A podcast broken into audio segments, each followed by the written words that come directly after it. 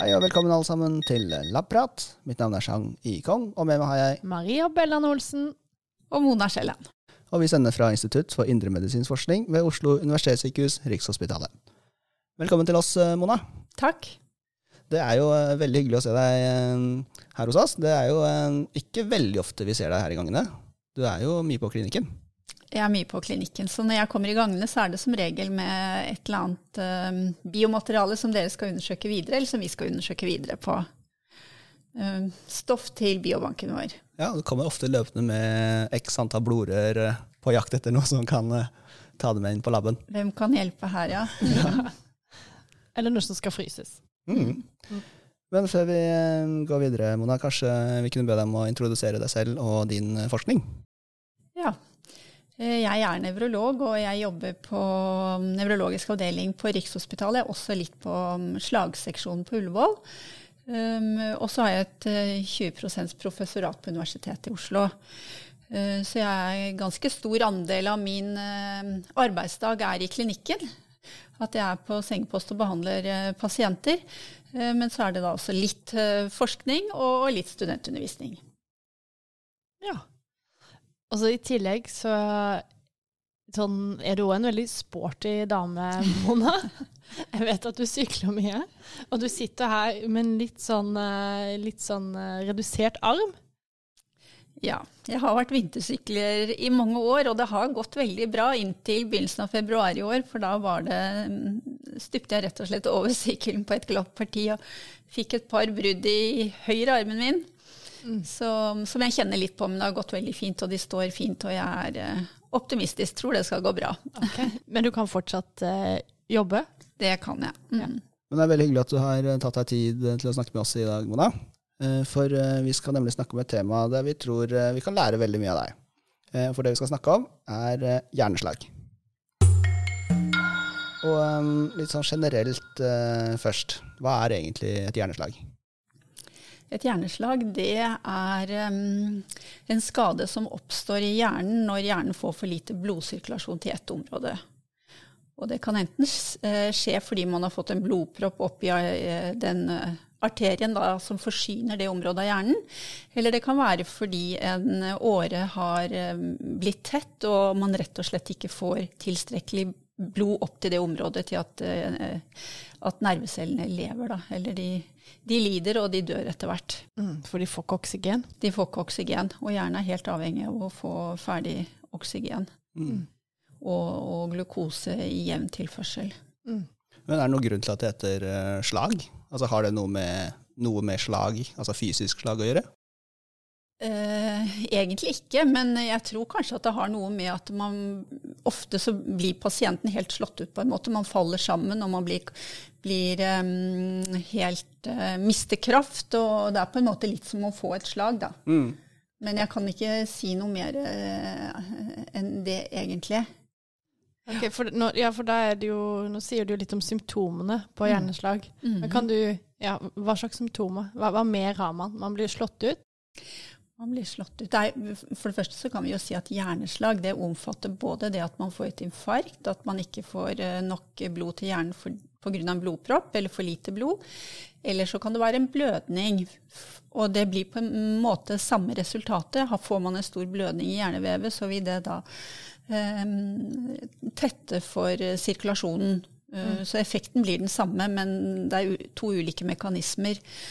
Eh, og så spørs det jo da veldig hvor da denne skaden i hjernen uh, skjer. Uh, det er avgjørende for de symptomene man får. Det vanligste symptomet ved hjerneslag er nok at man får en halvsidig lammelse. At det er en av de store årene i hjernen som heter media, som da er godt tett, og som forsyner et stort område av hjernehemisfærene.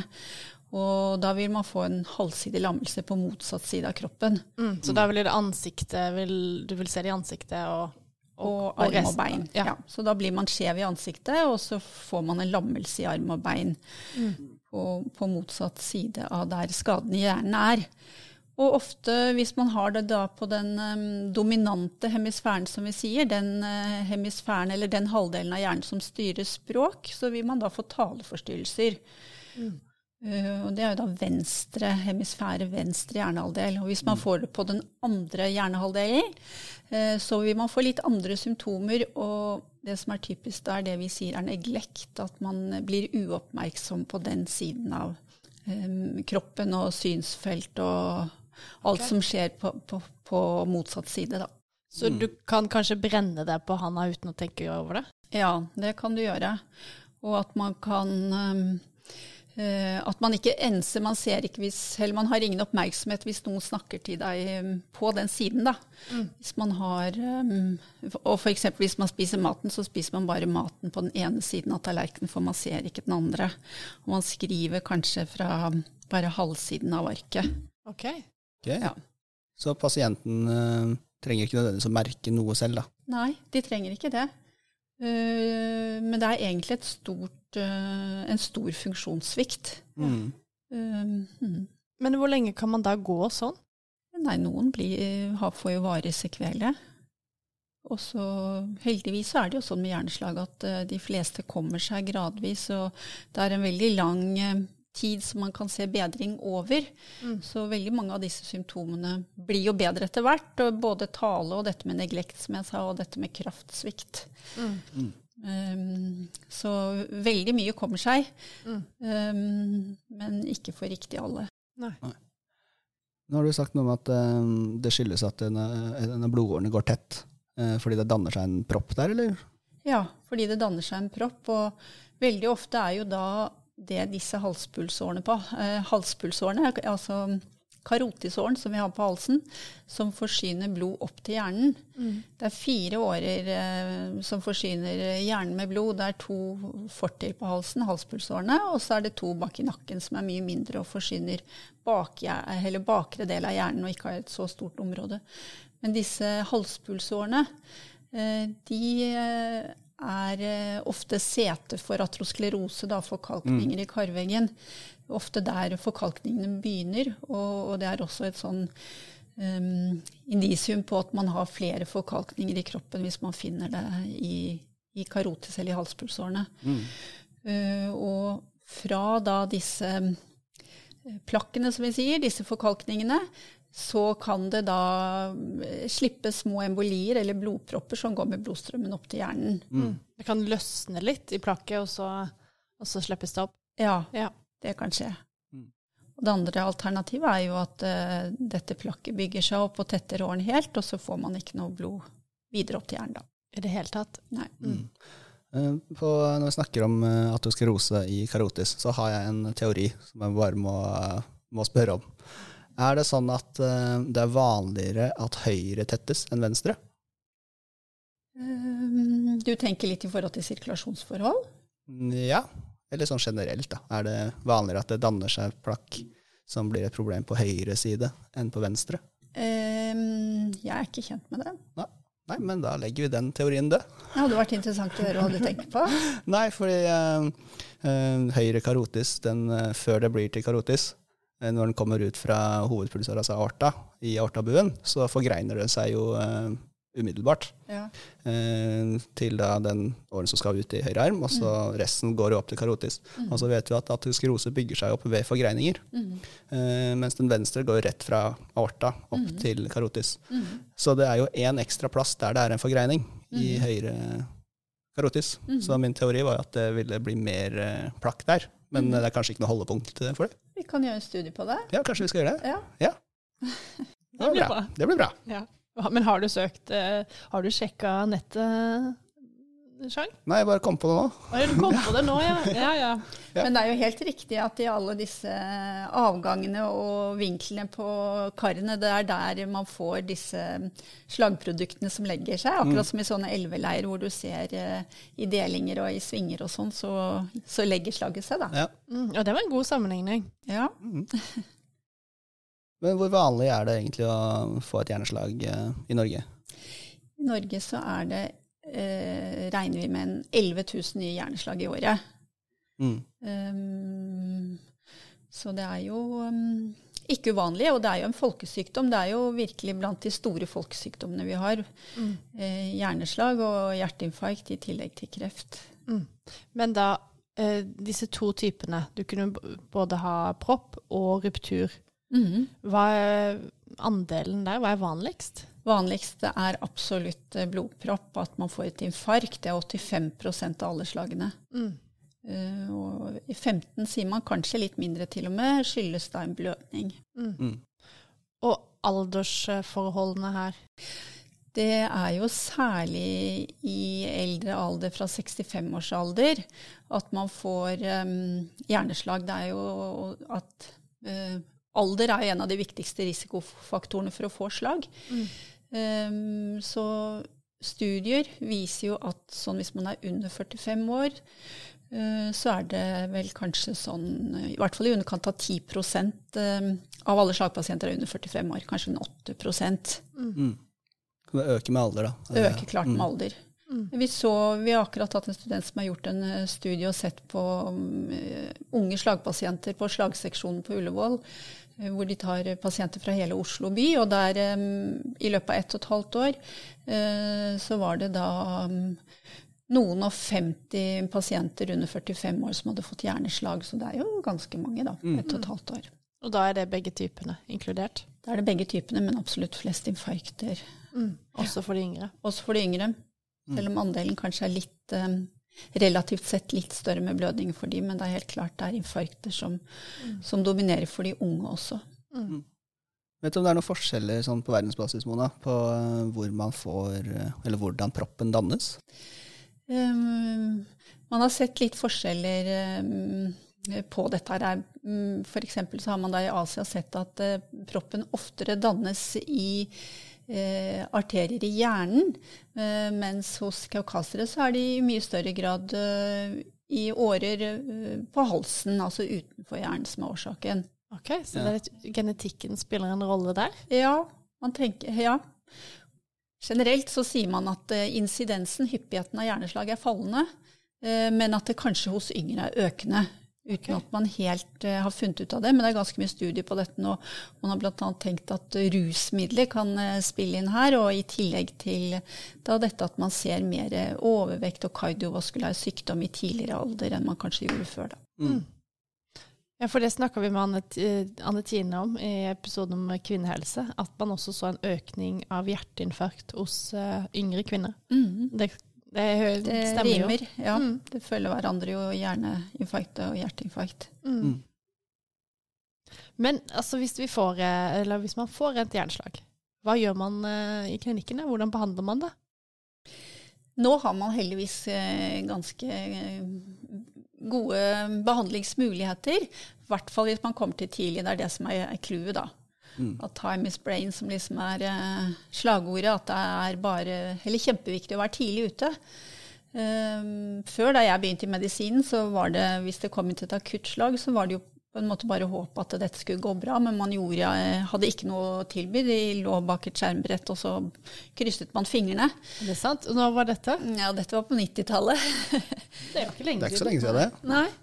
Så da var det noe som man øhm, ikke på en måte hadde noe innvirkning på, egentlig. Man kunne gi Albyl, 75 gram acetylsalicyl, og, og, og det var liksom det man hadde av tilbud. Er det sånn blodfortynnende Ja, det er blodfortynnende som påvirker blodplatene, da. Mm. Eh, Men det var nok eh, ingen stor, ingen stor effekt av det. Eh, Så det var opp til naturen hvordan det skulle gå. Mm. Men nå eh, Vi begynte jo på 90-tallet å få dette med blodtrombolysebehandling. At man kan løse opp proppen i åren. Mm. At man gir intravenøs eh, trombolyse. Men da må man komme til innen fire og en time etter symptomdebut. Ok. Eh, Det har det vært, og det er liksom den gode regelen. Etter hvert så ser vi nå at vi også kan gi det til noen i litt lenger ut i tidsvinduet. Ok. Men i hovedsak så må behandlingen gis innen fire og en halv time. Og grunnen til at det skal gis tidlig, er fordi at hvis man kommer til senere, så er det så økt risiko for blødning. Så da blir det fort at risikoen oppveier gevinsten, da. Okay. Så det her er rett og slett et stoff som dere gir inn i blodet til pasienten, pasienten, og så går det og løser opp den blodproppen. Ja. Det blir kalt som plum plumbo. Årenes plumbo. Årenes plumbo, det var godt, eh, godt forklart. Men, men da kan man, det her er jo da ikke noe man kan bruke hvis man har den blødningstypen. Det kan man ikke. Og det er en del eh, sånn eksklusjonskriterier til som behandling. Ikke bare tiden, men blødning selvfølgelig, og også en del medisiner hvis man står på mye mm, blod, sånn, anti, sånn blodproppløsende medisin. Hvis, mm. eh, Marihuana og disse antikoagulasjonsmedisinene, så kan man ikke få den behandlingen. Nei. Så den har absolutt sine begrensninger. Men den andre type nye og moderne behandlingen som vi har fått, da, i, i tillegg til uh, den intravenøse trombolysen, det er trombektomi. Blodproppfisking. Uh, at man da kan gå inn med et kateter fra lysken og gå helt opp til hjernens uh, arterie og, og, plukke ut den um, blodproppen som da sitter i åren. Ja. Så du går inn med et kamera? Man går inn med et kateter, og så ser man på bildet med røntgen, da. Mm. Ja. Og dette er det jo røntgenleger, avanserte røntgenleger, som nevrointervensjonsradiologer. Ja, som både er røntgenleger og, og, kan eh, styre disse kateterne og, og ha greie på hjernens sirkulasjon. Okay. Så da går du inn i lysken, arterien, i arterien i, lysken, lysken opp altså, gjennom aorta. Mm. Og opp, Hele veien liksom opp gjennom ja, kroppen? Ja, til aortabuen. Ja. Og så går du da opp på halsen gjennom karet der og inn i ja, skallen og inn i hjernen og til disse ja. småkarene. Nettopp. Hvor, uh, hvor, små kar er det dette kan komme seg inn i? Nei, det er jo veldig små. Den store, den store åren i hjernen, den media, den er vel tre, tre millimeter. Mm. Eh, men så går de jo forbi den og videre ut i mindre kar. Nettopp. Okay, de, men har de da først funnet ut hvor eh, infarktet sitter? Hvor ja. proppen sitter, og ja. så vet, så da vet de hvor de skal? De vet hvor de skal, og så følger de da kateteret eller ruten med en sånn kontrastrøntgen som du kan se ja. på en skjerm hvor du er. Mm, ja, For da har de gitt noen stoffer i blodet sånn at det, det blir kontrast, ja, så mm. de ser hvor de er hen. Men det er utrolig imponerende å se hvordan de kan smyge seg rundt og, og ved aortabue og, og, svinge på disse kateterne og, og, komme seg i, eh, rundt og opp til den lille åren. Mm.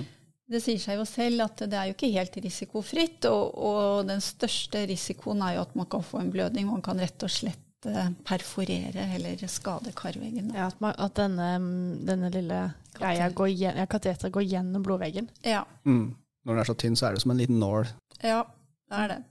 Og så har de jo da, eh, når de har liksom fått opp dette kateteret helt opp til, til, der blodproppen ligger, så um, er det da at de sender opp neste kateter som går inn i det første. Og, og her har de da en fiskekrok, som regel. Og så hekter de den på denne blodproppen og trekker ut blodproppen. Eller man kan gjøre det med et sug. en støvsuger, som de sier, at de setter den opp mot proppen og slurper den ut. Da. Mm. Så det er litt forskjellige teknikker. Mm. Ja. Men den proppen, Mona, den får du av og til. Da står du klar. Da er jeg klar, ja. Mm. Ja, vi skal snakke mer om denne proppen uh, litt seinere. Ok, da får vi vente, da. Ja, for vi må høre litt om uh, prognosene. Uh, hvordan går det med pasienter som kommer da, i tide og får disse behandlingene? Hvordan går det egentlig med, med dem? Eh, det er jo litt varierende. Noen blir jo helt bra. Og at vi kan se f.eks. når man gjør trombektomi og de holder på underveis og sier 'nå gikk proppen ut', og da begynner pasienten å snakke f.eks. eller løfte armen som har vært helt lam. Oh, ja. fort, Mens altså. de ligger der? Mens de ligger der. Sånn litt sånn mirakelfølelse. Mm. Men hvis de har det inni, og så begynner pasienten å bevege seg, er ikke det litt skummelt da? De ligger helt stille med hodet, da. Oh, ja, okay. mm. Men, og disse som er Hvis vi er i bitte små årer, eh, så er pasienten i narkose. Og da har vi jo ikke de opplevelsene. Nei. Men um, hvis pasienten er våken, um, så, så, ser vi det. Mm. Og, men ofte så vil de jo trenge litt tid på seg før, de, før, vi ser at de bare blir bedre og bedre. Og så kan de bli helt bra. Uh, men det er jo en del som har sekveler og men etter mm. slag. Mm. Men at de absolutt um, er stor bedring. Mm.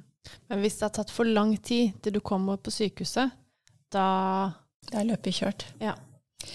Fordi um, um, hvis det har gått for lang tid uten blodsirkulasjon, så mm. er nervecellene døde, og da mm. kan de ikke gjenopplives. Um, så det er jo en av forutsetningene uh, for å gå inn og prøve å gjøre trombektomi eller trombolyse. Uh, det er at man på CT-røntgen da ser at uh, ikke hele området er dødt, men at det er celler som er truet, men ikke døde. Hvis alt er et etablert infarkt, da er skaden irreversibel, og da kan man ikke gjøre noe. Nei. Mm. Har du noe tall på hvor mange som kommer inn i tide? Det vi vet, er at uh, av, um, uh, av alle akutte slagpasienter så får omtrent um, Jeg tror kanskje det er opp mot en eh, 20% nå trombolyse. Så 20% av de når det tidsvinduet. Mens på trombektomi så er vi bare rundt en 6 Mm.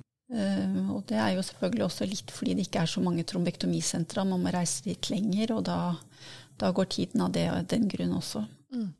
Så det er mye å gå på. Man ønsker å få mye høyere tall um, på de som tilbys både trombolyse og trombektomi, da. Siden det er så god behandling. Men er det i hele landet? Det er i hele landet. Ja. Dette er, vi har et sånn nasjonalt hjerneslagregister hvor dette her blir registrert. Da. Så det er tall derfra. Det er jo selvfølgelig ikke noe man ønsker å få hjerneslag. Hvordan kan man egentlig forebygge det? Ja, det er jo mm, i grunn på samme måte som man kan forebygge hjerteinfarkt. Disse kardiovaskulære risikofaktorene, hvis man kan minke de, redusere de. Mm. Passe på blodtrykket, ikke røyke. Eh, Passe på kolesterol- og lipidnivået. Sykle til jobb? Sykle til jobb, men ikke Ja. Eh, og mm, eh, ja, være fysisk aktiv og ikke bli for overvektig. Mm. Så det er og sunn, sunne kostråd generelt. God livsstil. God livsstil, ja. Mm. Som de fleste, for de fleste sykdommer. Ja, Det virker som om det er sånn gjenganger i alle sykdommer vi har snakket om. Ja. God livsstil. Mm. Men det er kanskje ikke så rart. Så enkelt, men så vanskelig. Ja, ikke sant? Mm. Vi er jo noen på gruppa vår som driver med, med forskning på mus eh, og slag og sånn. Og da vet jeg at de bruker en del forskjellige maskiner til å visualisere, altså se blodkarene. Men det gjør, gjør det kanskje med pasienten også? Det gjør det. Eh, Hovedmetoden vi bruker er jo CT da, i forhold til akutte slag. Mm. At vi gjør CT av hjernen og av hjernens årer. Så CT og CT-angiografi. Hvis vi skal ha enda mer um, spesifikk informasjon, hvis vi er um, usikre på hva vi har med å gjøre, så tar vi MR. Hvor man ser um, mer nøyaktig da, hvordan hjernens vev er, og man får bedre oversikt over bakre del av hjernen f.eks. Um, så det er en, er en mer nøyaktig undersøkelse, men det tar litt mer tid. Men det er altså dette med å få sett hjernen, og å få sett eh, hjernens årer med angiografi som vi er interessert i. Mm. PET, er det noe dere har begynt å gjøre? PET gjør vi aldri akutt. Eh, Og PET vi gjør vel for så vidt ikke det i sånn vanlig slagdiagnostikk. Men eh, PET er jo da viktig i forhold til å se på eh, inflammasjon og, og metabolisme i hjernen. Og det er jo noen tilstander um, hvor man har betennelse i åreveggen, vaskulitt som vi sier, hvor PETA kan slå ut og vise at det er økt, økt metabolisme. Mm.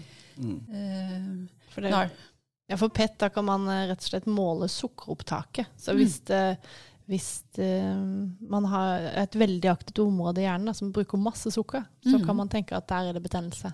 Ja, der er det økt metabolisme, og, og da kan, kanskje økt betennelse.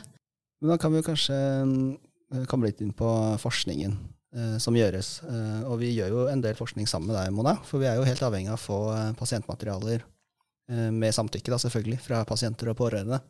Eh, og vi er jo veldig glad når du kommer med en liten propp, som vi snakket om. Eh, men vi lurer litt på hva er det som egentlig kreves fra kirurger og eh, det helsepersonellet som er til stede, for at eh, et materiale skal kunne preserveres på en sånn måte at vi kan bruke det til forskning. Eh, ja, man må jo ha gode mm, samarbeidspartnere, da. Eh, kirurger og eh, radiologer og sykepleiere og andre som er interessert i å bidra eh, med det. Eh, Men det aller viktigste er selvfølgelig at pasienten eh, er villig til å bidra med materiale og vil være med i studien. Så for alle studier eh, hvor vi har med pasienter, så må vi ha en godkjenning, et samtykke fra pasienten. Et informert samtykke. De skal være kjent med studien.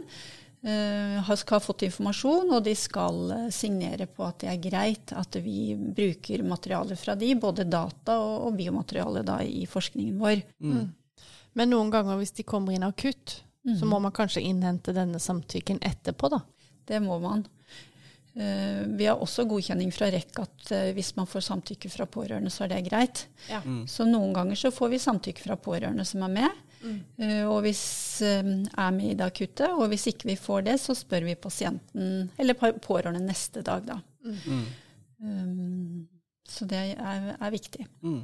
Men ellers er det klart at vi har eh, mange gode samarbeidspartnere her, både med, med kirurger som plukker ut uh, karotisplakk, og radiologer som plukker ut tromber, og uh, at vi får det da på riktig materiale, Mm. og at uh, jeg kan levere det til laben hos dere, og at dere da tar hånd om det og behandler det på videre på riktig måte. Mm. Ba- Bare et sånn oppfølgingsspørsmål til de mm, samtykkene. Er det, er det mange som sier ja, eller er det lett å få ja? Alle sier ja omtrent. Det er helt unntaksvis at noen ikke vil være med. Ja, det er jo fantastisk. Ja, jeg tror eh, at folk gjerne vil bidra, og mange er takknemlige selv fordi de har fått hjelp, og at de blir, er veldig glad og, og fornøyd med at de kan eh, bidra. Så eh, det er helt unntaksvis hvis det er noen som ikke vil. Mm. Men jeg må bare spørre, Mona, når du får da inn en eh, pasient, er det sånn at uh, du spør alle om de vil bidra i forskning, eller er det, ser du an liksom, er, om denne pasienten har interessante nok uh, symptomer, eller om sykdomsforløpet er interessant nok til at vi skal uh, be om å få materiale? Hos disse eh, akutte slagene som vi tar ut trommer på, så tenker vi at alle er interessante. Mm. Og vi tenker også det med disse som har sånn atrosklerose eller plakk i halspulsåren, at de er interessante. Mm. Og at vi trenger eh, eh, mange deltakere for å se på forskjellige ting. Da. Så akkurat i forhold til de to gruppene, i hvert fall, så spør vi nok um, alle vi kan få tak i, Mm. om de vil. Man trenger jo mange for å få god statistikk. Mm, det er det man gjør. Mm. Du er jo, i motsetning til Maria og meg, vi er jo bare på laben. Eh, Du har jo eh, på en måte en fot innenfor både forskning og klinikk. Hvordan eh, er den balansen, du som ser det fra begge sider? Er det, legges det til rette for at eh, vi skal kunne jobbe sammen, altså lab og klinikk? Eh, tenker du legges til rette fra, Fra toppen. fra toppen, ja? Ja. Mm. ja. Eh, det er klart Når man jobber på et sykehus, så er jo alltid sånn at klinikken blir prioritert. da. Mm. Og, og fra, fra ledelse også. Man liksom forutsetter jo og regner med at man skal gjøre klinikk. Og det tror jeg vel at, eh, at vi er eh, opptatt av også. At det er eh, Det har liksom forrang, da, at man må gjøre det først. Men jeg tenker jo at alle etter hvert ser at det er veldig interessant, den der kombinasjonen med klinikk og, og mm, labforskning, da. Mm. Translasjonsforskning, at det er veldig spennende. Mm.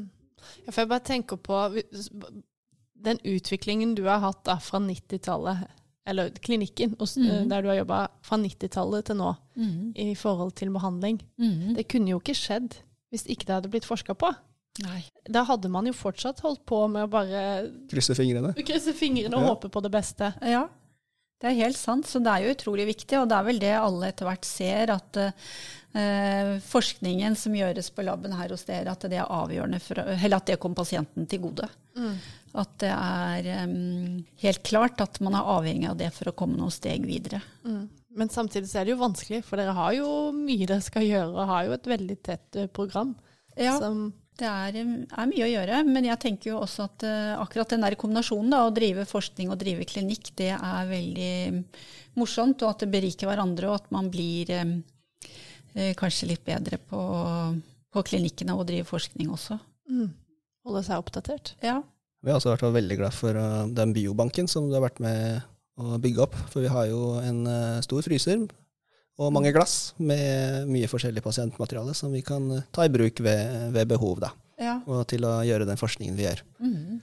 Eh, Og når vi er er inne på dette med biobanking og eh, prøvematerialer, så må vi komme inn på disse hvitt-pasientene. Altså pasientene som akutt fikk blodpropp etter vaksine mot covid-19. Eh, Det er vel eh, over et år siden disse kom til Rikshospitalet. Mm. Eh, Og det er kanskje ikke alle som vet det, men Mona, du var en av nevrologene som behandlet disse pasientene. Mm, Det var jeg. Og eh, vi, hadde jo, vi har jo hatt en egen episode om det. Og eh, Sverre var jo her da som vikar, Mm. og han nevnte at plutselig så kom det noen med et lite glass -hmm. som vi måtte prosessere så fort som mulig på laben. Mm. Og det var deg som Ja. kom løpende med, med det. Eh, Hele denne forskningen av disse, eller på dette materialet eh, viser jo litt eh, hvor viktig det har vært da, med denne nærheten mellom klinikk og, og lab. Den fysiske nærheten, ikke minst. altså. Ja, absolutt. Det er kjempeviktig. Og det var jo mye som skjedde mm, på kort tid i forbindelse med, mm, med at disse pasientene kom til oss. Alle kom jo også og ble jo innlagt i, i løpet av kort tid. Mm.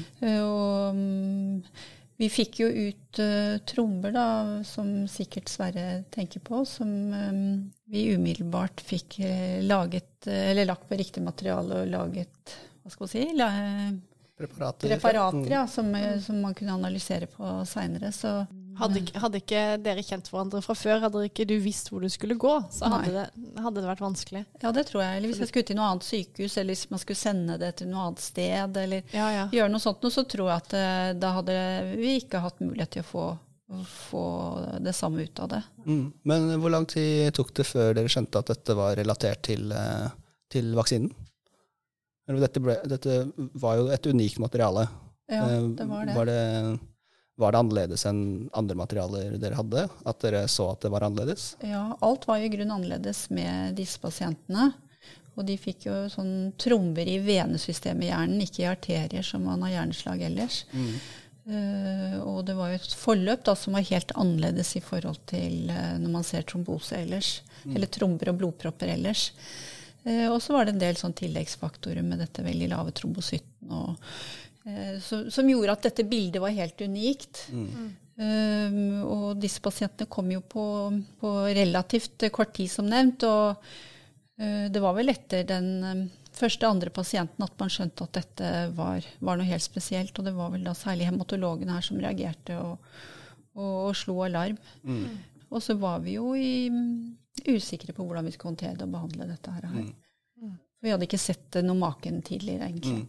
Mm. Nei, Vi forsto vel eh, ganske raskt her på laben også at dette var noe, noe unikt og noe Ja. viktig å, eh, å få komme til bunns i. Ja, Det var jo en stor omveltning på laben på kort tid, husker ja. jeg.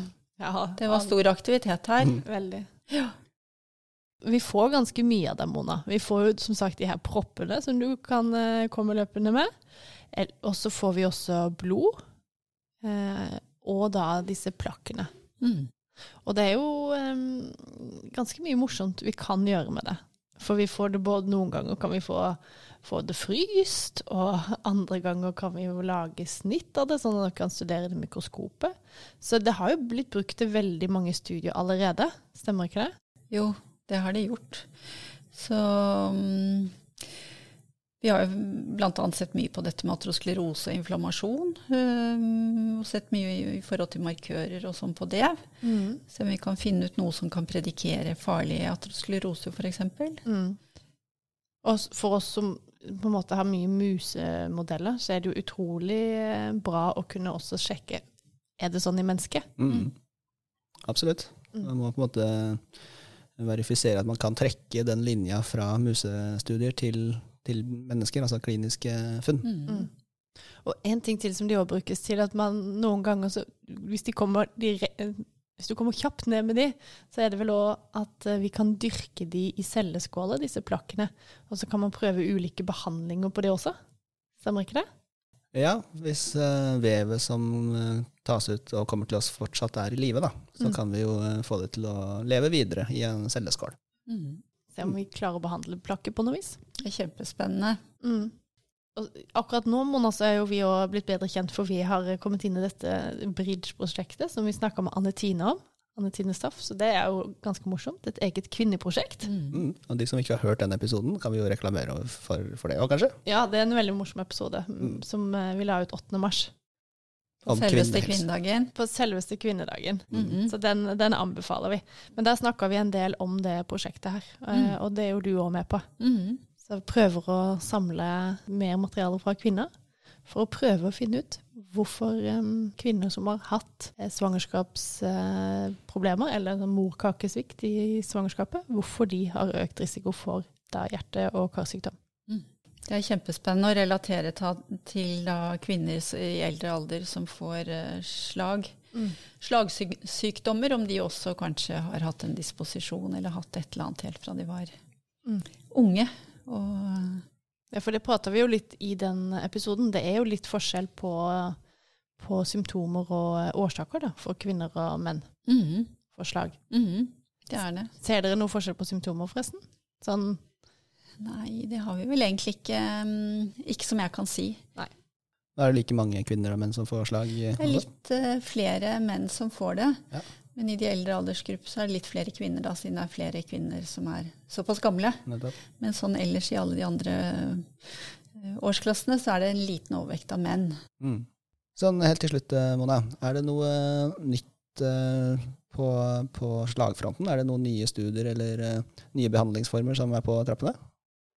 Det som vi har vært interessert i i det siste, er jo særlig dette med om man kan gi, gi en medisin som kan stoppe stoppe mm, progresjonen av et hjerneinfarkt. For vi ser når man har fått et akutt hjerneinfarkt, så er det ofte at det setter i gang en prosess med eh, en inflammasjon tenker vi da som gjør at dette volumet øker i størrelse, mm. og at infarktet kan bli større enn hva det var i utgangspunktet.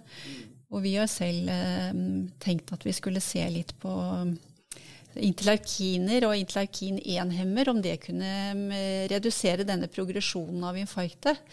Eh, en sånn antiinflamatorisk medisin. Mm. Vi er ikke helt i gang med det, men eh, avdelingen vår er nå i, er med på en sånn multisenterstudie som egentlig går ut fra Canada, hvor man bruker en medisin som heter Nerinitide, som eh, påvirker ja, til syvende og sist da, glutamat og glutamattransmittere i hjernen, som er sånn exitoksiske transmittere, og som da skal forhindre at man får økt volum av slaget. Mm. Så ved å gi det helt akutt, så tenker man at man da skal forhindre denne progresjonen og denne infarktstørrelsen som man alltid ser. Ja. Nettopp. For det du sier er at eh, etter et infarkt så har en del av hjernen eh, dødd. Eller ja. en bit av hjernen har måte, dødd bort. Mm eh, og så kan omkringliggende vev da, mm også begynne å dø uten noen form for behandling. Ja. Fordi man, man, ser at man får liksom tiltrekning av, masse, av inflammasjonsmarkører. Mm. At man får hevelse der, og at man får trykk på hjernecellene. Og så blir det, altså skaden kanskje større enn hva den var i utgangspunktet. Ja. Og det er litt individuelt hvordan man reagerer. Noen har ikke noe særlig grad av det, og noen har er det ganske uttalt at man kan se at infarkt er blitt mye større mm. enn hva det var i utgangspunktet. Og er det sånn at hvis man da gir en sånn antiinflamatorisk medisin akutt, så kan den prosessen stoppe. Mm. Og det er veldig spennende. Man har jo prøvet mye sånn nevroproteksjon i dyrestudier. Mm. Og sett øh, ganske god effekt i dyrestudier, men når man har gjort det opp på mennesker, så har, det, har man ikke sett den effekten, og så man undret seg litt over det.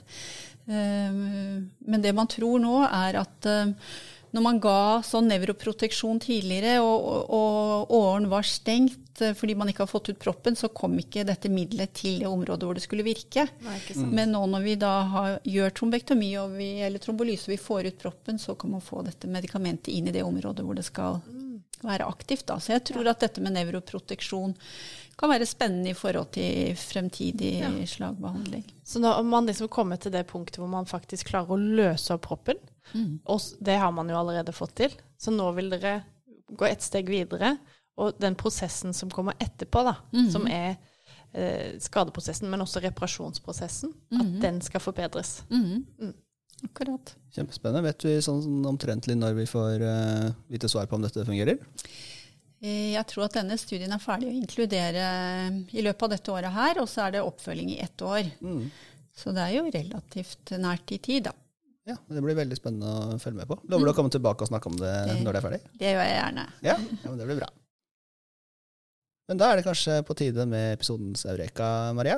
Ja, i dag blir det kort og gærlig. Ok, ja, men Vi er jo spent på hva du har funnet fram til oss uh, i dag. Yes, for du skjønner det, Mona. Jeg pleier å avslutte med en liten Eureka, som er bare en litt morsom, uh, morsom vitenskapelig sak. Ja. Mm, og i dag handler det jo selvfølgelig om hjerne.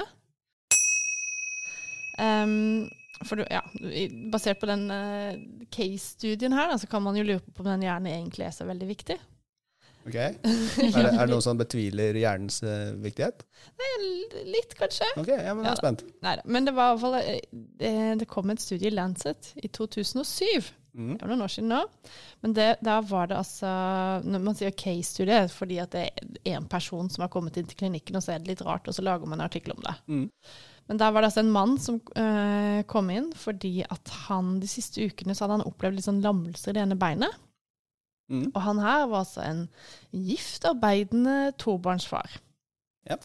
Og så skanna de hjernen hans for å se om det kunne være da et slag eller et eller annet sånt. Men de ble jo veldig, veldig overraska, fordi hjernen hans den så egentlig bare ut som Altså, den var helt panne, kad, panneflat. Ok. Det som var greia, at han hadde så mye vann i hodet at hjernen lå bare sånn skvist som et sånn tynt lag rundt væska. Ja, så helt opp mot uh, skallen, da. Ja. Rett og slett. Og da skulle jo du tro at en hjerne egentlig ikke skulle fungere så veldig bra. Mm. Men de tok faktisk en IQ-test på han, Mm. og han scora sånn eh, helt nederst da i normalområdet. Ja, men han var velfungerende sånn. Ja, ja, tydeligvis. Ellers så var han jo det. Ja.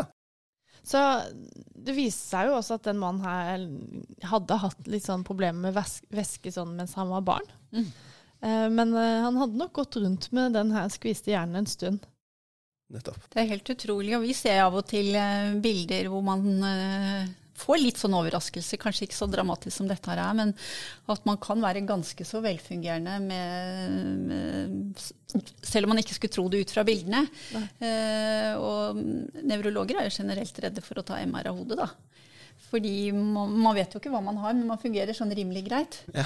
Så det er litt eh, skummelt det å bli avbildet sånn. Altså. ja, du mener ta bilder av seg selv? Ta bilder av seg Ja, selv, ja. ja. Det gjelder å holde seg unna MR-maskinen, for man vet aldri hva man kan se. Mhm, jeg skjønner. Det er jo ofte det er sammenheng med hva man ser og hvordan man er, men det er noen ganger man kan få overraskelser. Men eh, de, fjerna da væsken fra, eh, fra det hodet til denne Mm. mannen, fra hjernen hans, og han, da forsvant det med beinet, da. Han Ja. blei helt fin igjen. Ja, men eh, altså, utvida hjernen seg igjen? Altså, hadde den bare blitt skvist sammen, eller vet du om uh... Ja, du, det, det vet jeg faktisk ikke, men jeg regner jo med det, at den fikk litt mer plass. og Fikk Fikk litt, sikkert litt mer plass, men jeg vil jo tro at den ikke ble normal. Den Ja. hadde jo sikkert vært trykk og, over tid, og at den var skadet. Ja. Men at det kunne gjøre seg med litt mer plass, det, det, var det gjorde det da tydeligvis. ja, det gjorde nok det. Ja. For øvrig så kom jeg også over en person som ikke hadde cerebellum. Mhm. Ok, så hvis du skulle oversette cerebellum Lillehjernen. Mm. Og, det, og den er jo Lillehjernen er viktig for bevegelse og sånt, stemmer ikke det, Mona? Absolutt, den er viktig for veldig mye, egentlig. Før Mm. så var den litt Ja, navnet på en måte ly- lyver kanskje litt. Den er, den er viktig. Men, den, men fordi denne kvinnen her da, hadde jo levd eh, opptil 24 år og bare, egentlig ikke har hatt så veldig mye store problemer, så var det litt tilfeldig, tror jeg. Mm. Det var noe småtteri her og der. Eh, så fant hun ut, de ut at de ikke hadde lillehjerne. Ja. Så tydeligvis kan da den andre delen av hjernen vår lære seg ganske mye. Mm. For vi tror jo at uh, andre deler av hjernen på en måte overtar den funksjonen, da. Er det det som er hypotesen? Jeg vil tro det. Ja, og at eh, det er jo baner mellom alle disse områdene, og at man da kan kompensere med andre områder, da. Mm. Hjernens plastisitet er jo blitt har man jo mye mer tro på enn i, Før så trodde man jo at hjernen på en måte var gitt en gang for alle, men nå vet man jo at det er muligheter for pl stor plastisitet i hjernen. Mm. Tusen takk, Maria, for en veldig fin Eureka. As always. Ja. Mm. Og uh, tusen takk til deg, Mona, for at du har tatt deg tid til å snakke med oss uh, i dag. Ja, det var hyggelig. Det var koselig å ha deg. Takk. Absolutt. Vi må minne våre lyttere om at uh, dere må følge oss på Facebook, Twitter eller Instagram. Gjerne alle tre. og gi oss gjerne en rating når dere hører på denne podkasten, sånn at enda flere kan finne oss. Ja, da blir sånn glad. Og inntil videre så skal jo vi på laben, eh, Maria. Men skal mm. du på laben, Mona, eller er det klinikk? Jeg skal i klinikk. Du skal i klinikken. Så får vi stå og vente på et eh, rør fra deg, da, vet du. Ja, Yes, men da høres vi. Det gjør vi. Ha det. Ha det bra.